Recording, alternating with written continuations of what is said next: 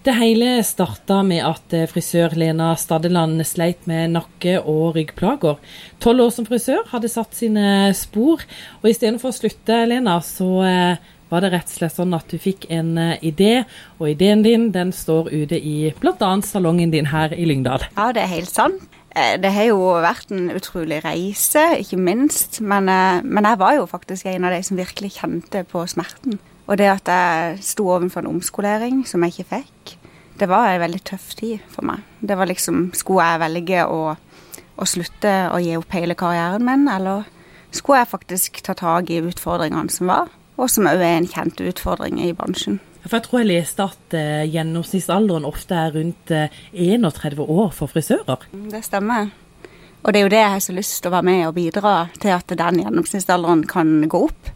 Det hadde vært helt fantastisk. Så istedenfor at du valgte å legge frisørkarrieren på hylla, så har du altså utvikla en eh, helt spesiell eh, stol. Du må fortelle litt om den. Ja, som sagt så har jeg jo hatt veldig utfordringer med at jeg aldri har kunnet fått senka kunden langt nok ned. Og ikke hatt muligheten til å variere arbeidsstillinger på den måten som, som jeg burde. Så Sanna Sella er utvikla sånn at han er den laveste frisørstolen på verdensmarkedet. Den kan gå helt ned til 32,5 cm samtidig som den har en helt unik rekkevidde på 30 cm. Så han kan gå opp helt til 62,5. Så det har egentlig vært det, det, som vi har lagt mest fokus på. Men samtidig òg at han skal være ergonomisk utforma, veldig lett å justere. Det at du jobber på en helt annen måte enn før. Så vi har jo òg samarbeida da med bedriftshelsetjeneste, fysioterapeut, ergonome og ikke minst frisører.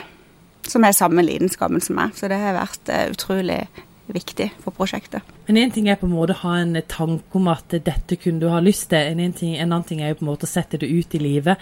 Hvordan har veien eh, vært? Mm, opp og ned.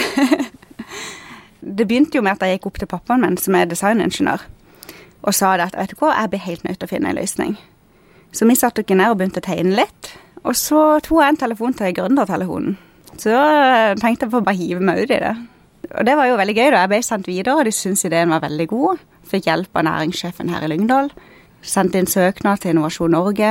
Fikk fase 1-tilskudd. Og så har det egentlig bare ballen rulla videre. Vi har hatt fantastisk eh, samarbeid med opplæringskontoret òg for å få til en markedsundersøkelse, som igjen førte til at vi fikk mer eh, bevis på behovet, da. Sånn at vi òg søkte videre fase to. Vi fikk midler der, og vi har òg fått støtte fra Listerfondet. Vi har vært en målbedrift i, i Lista nyskaping, som har virkelig ført til en ja, gitt en skikkelig god kompetanse da, for prosjektet. Så det er ingen tvil om at du har hatt eh, gode samarbeidspartnere hele veien? Nei, absolutt. Det er ingen tvil om det. Altså, det, jeg har nok alltid sagt det at det, altså, dette prosjektet kan jeg ikke gjøre alene. Jeg blir nødt til å bruke nettverket rundt meg. og Alle som kan være med og bidra med noe, setter jeg veldig stor pris på.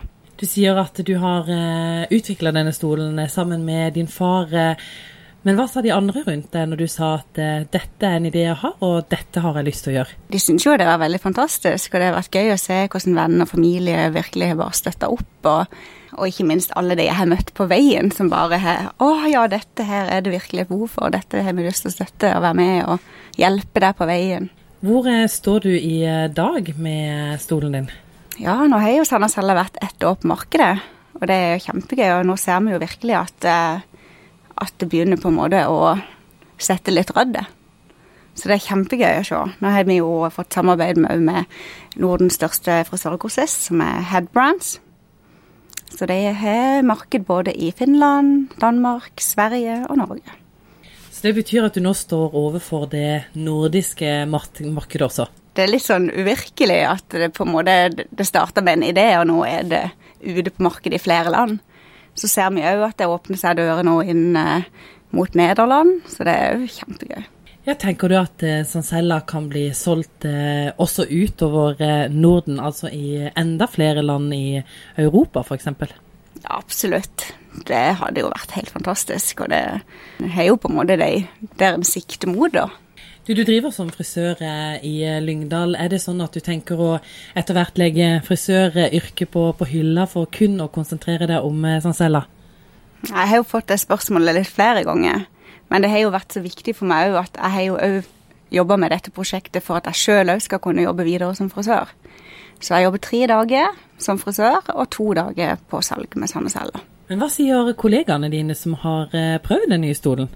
Nei, De er veldig fornøyd, og det er jo så gøy å se at han virker så bra. Og det er jo når jeg får tilbakemeldinger av kunder som har hatt han, og det er at du, du får den bekreftelsen på at å, det har hjulpet så mye for meg. Og du ser at de begynner å gjerne bestille opp flere stoler fordi de er så fornøyde. Men hva tenker du når vi snakker i stad om at eh, frisørene kanskje har en gjennomsnittsalder på 31 år. Tenker du at de nå kan få et eh, langt arbeidsliv i frisøryrket? Ja, absolutt. Det er jo det vi har lyst til å bidra med. At dette her skal gå opp. Det skal bli bedre med rekruttering. Ja, enda mer yrkesstolthet.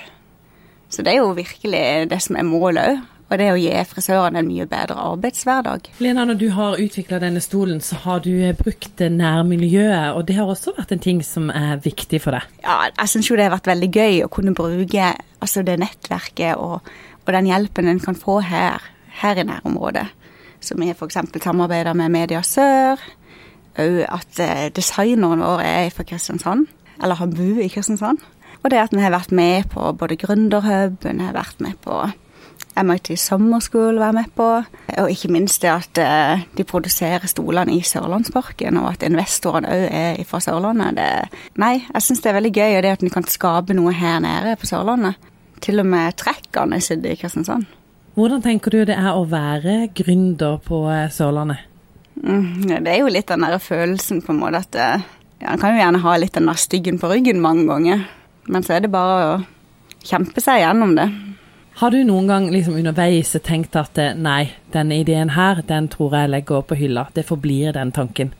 Selvfølgelig Noen ganger så har du jo litt opp- og nedtur da du tenker sånn åh, skal jeg bare slutte å jobbe igjen som fulltid som frisør og bare Men jeg har jo alltid visst sterkt at jeg må på en måte gjennomføre prosjektet. Hvor tenker du at du står om eh, ja, la oss si fem år? Det er jo litt vanskelig å vite, da, men jeg håper jo virkelig at jeg, at jeg har vært med og hjulpet veldig mange fra frisører.